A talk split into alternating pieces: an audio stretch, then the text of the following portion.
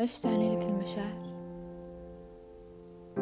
وبإيش ممكن يفكر الإنسان لما يسمع كلمة مشاعر؟ وليش دايم تنظلم المشاعر؟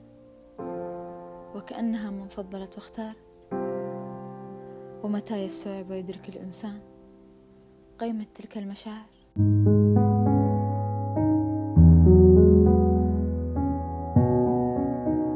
كلنا نشوف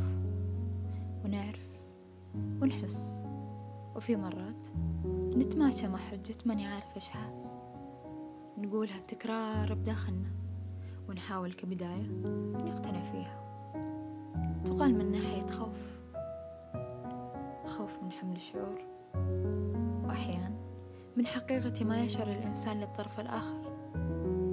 خوف من عدم الشعور المتبادل. وتمر أيام وساعات ونظل نفكر مهما حاولنا نرجع لنقطة البداية. وبكل تفكير وخوف تساؤل رغم أنه فينا جانب يكون صائب لكن ما نحاول مواجهة الجانب؟ خوفا من تقبله. قد يكون الصواب نجاة لكن لا نريده. فلماذا نرفضه رغم معرفتنا له؟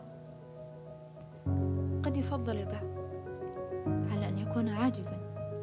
بدلا من تقبله لحقيقة ما يراه فما نهاية كل مفرط؟ وهل سيكمل حياته بتفريطة؟ الإفراط مرض وبحد ذاته مفسدة عظيمة بمعنى إسراف شيء عن المعقول وليس له حد. تساؤل فهل أصبح الإنسان يفتح باب مشاعره ويضع مفتاحه بيد غيره؟ فلماذا إذا قيل رفقا بالمشاعر؟ ليست فقط بعدم تجريحها وإنما بعدم الإسراف والإفراط بها. أو بمعنى أصح ما التفرقة بين التفريط والإفراط؟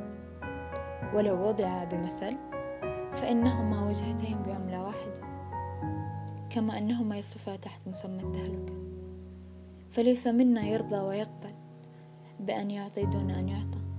وإن كان حس الإدراك والاستيعاب بما يفعله الإنسان بنفسه فهو حل مسيطرا لحياته.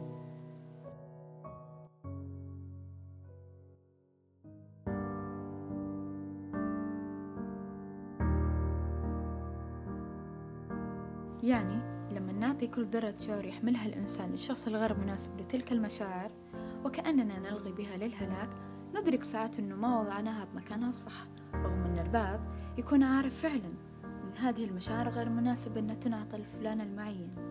أو قد يندرج ما قيل تحت اخترت الشخص الخطأ أو ما كان يستاهل كل المشاعر اللي كنت أحملها له. كل إنسان بهذه الدنيا مستاهل أنه يحس بإحساس الشعور المعطى لكن الأشخاص ألوان ومو كل الألوان تتناسب معنا وحتى في لبسنا اللي نلبسه مو كل الألوان تتوافق مع بشرتنا.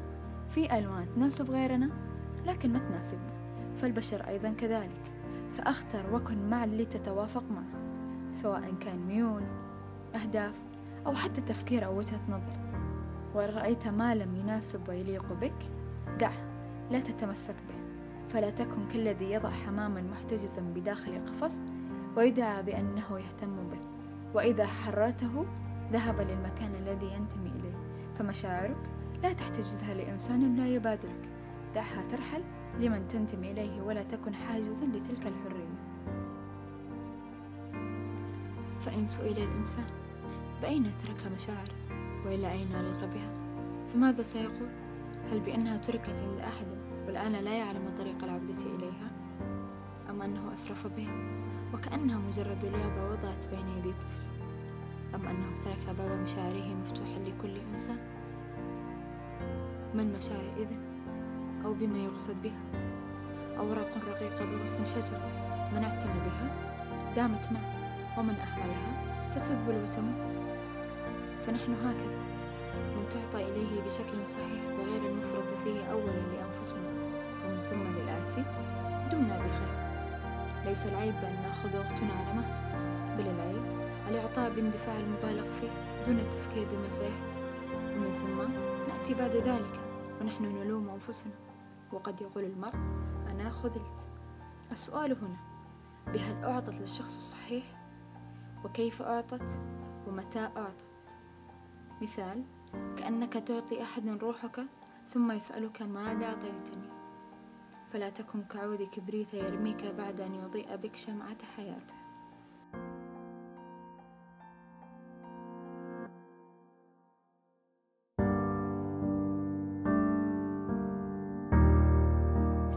طيب نبعد شوية بتساؤل أو افتراض أو نبحر بالخيال. بأن لو الإنسان خلق دون مشاعر بما سيصف وعلى هيئة ماذا؟ يعني هل يمكن للإنسان أن يصبح دون إحساس؟ لا طبعا حتى الحيوانات تحس لكن لا يمكنها التحدث والتعبير كما نفعل نحن البشر. المشاعر والإحساس فيها نعمة أنعمها الله علينا. فنعم هي تعد مهمة ولو وضعت ستضع من الجانب النفسي. فرفقا ولطفا بتلك المشاعر. لأنها إذا أعطت مرة لا يمكن أن تعطى مرة أخرى. فأفسحوا وأعطوا مجالا لتلك الأنفس التي بداخلنا لأننا أولى بها. فلنتخيل لو أن الجسد يتحدث. لنطق القلب قائلا فما ذنبي إن أحببت؟ لنطق العقل قائلا فما ذنبي إذ أنك جعلتني محصورا بالتفكير؟ لنطقت العين قائلة فما ذنبي أن تجعل أدمعي تنهب؟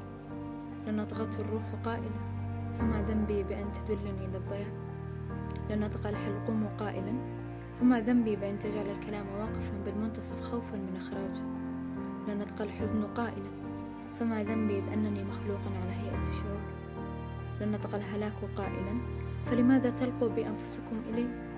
لنطق الجسد قائلا فلماذا تجعل الأذى يلاحقني من أفعالكم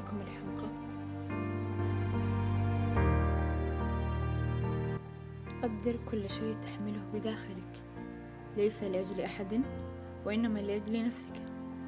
ابني طريقا لتسير عليه واجعل لكل شيء يسير بطريقه ليس بطريق أحد. اجمع نفسك لعلاج نفسك وقوي نفسك لدواء نفسك. ولا تكن كسطر فارغ يكتب بك أحد ويمسح ما يكتبه كيفما شاء.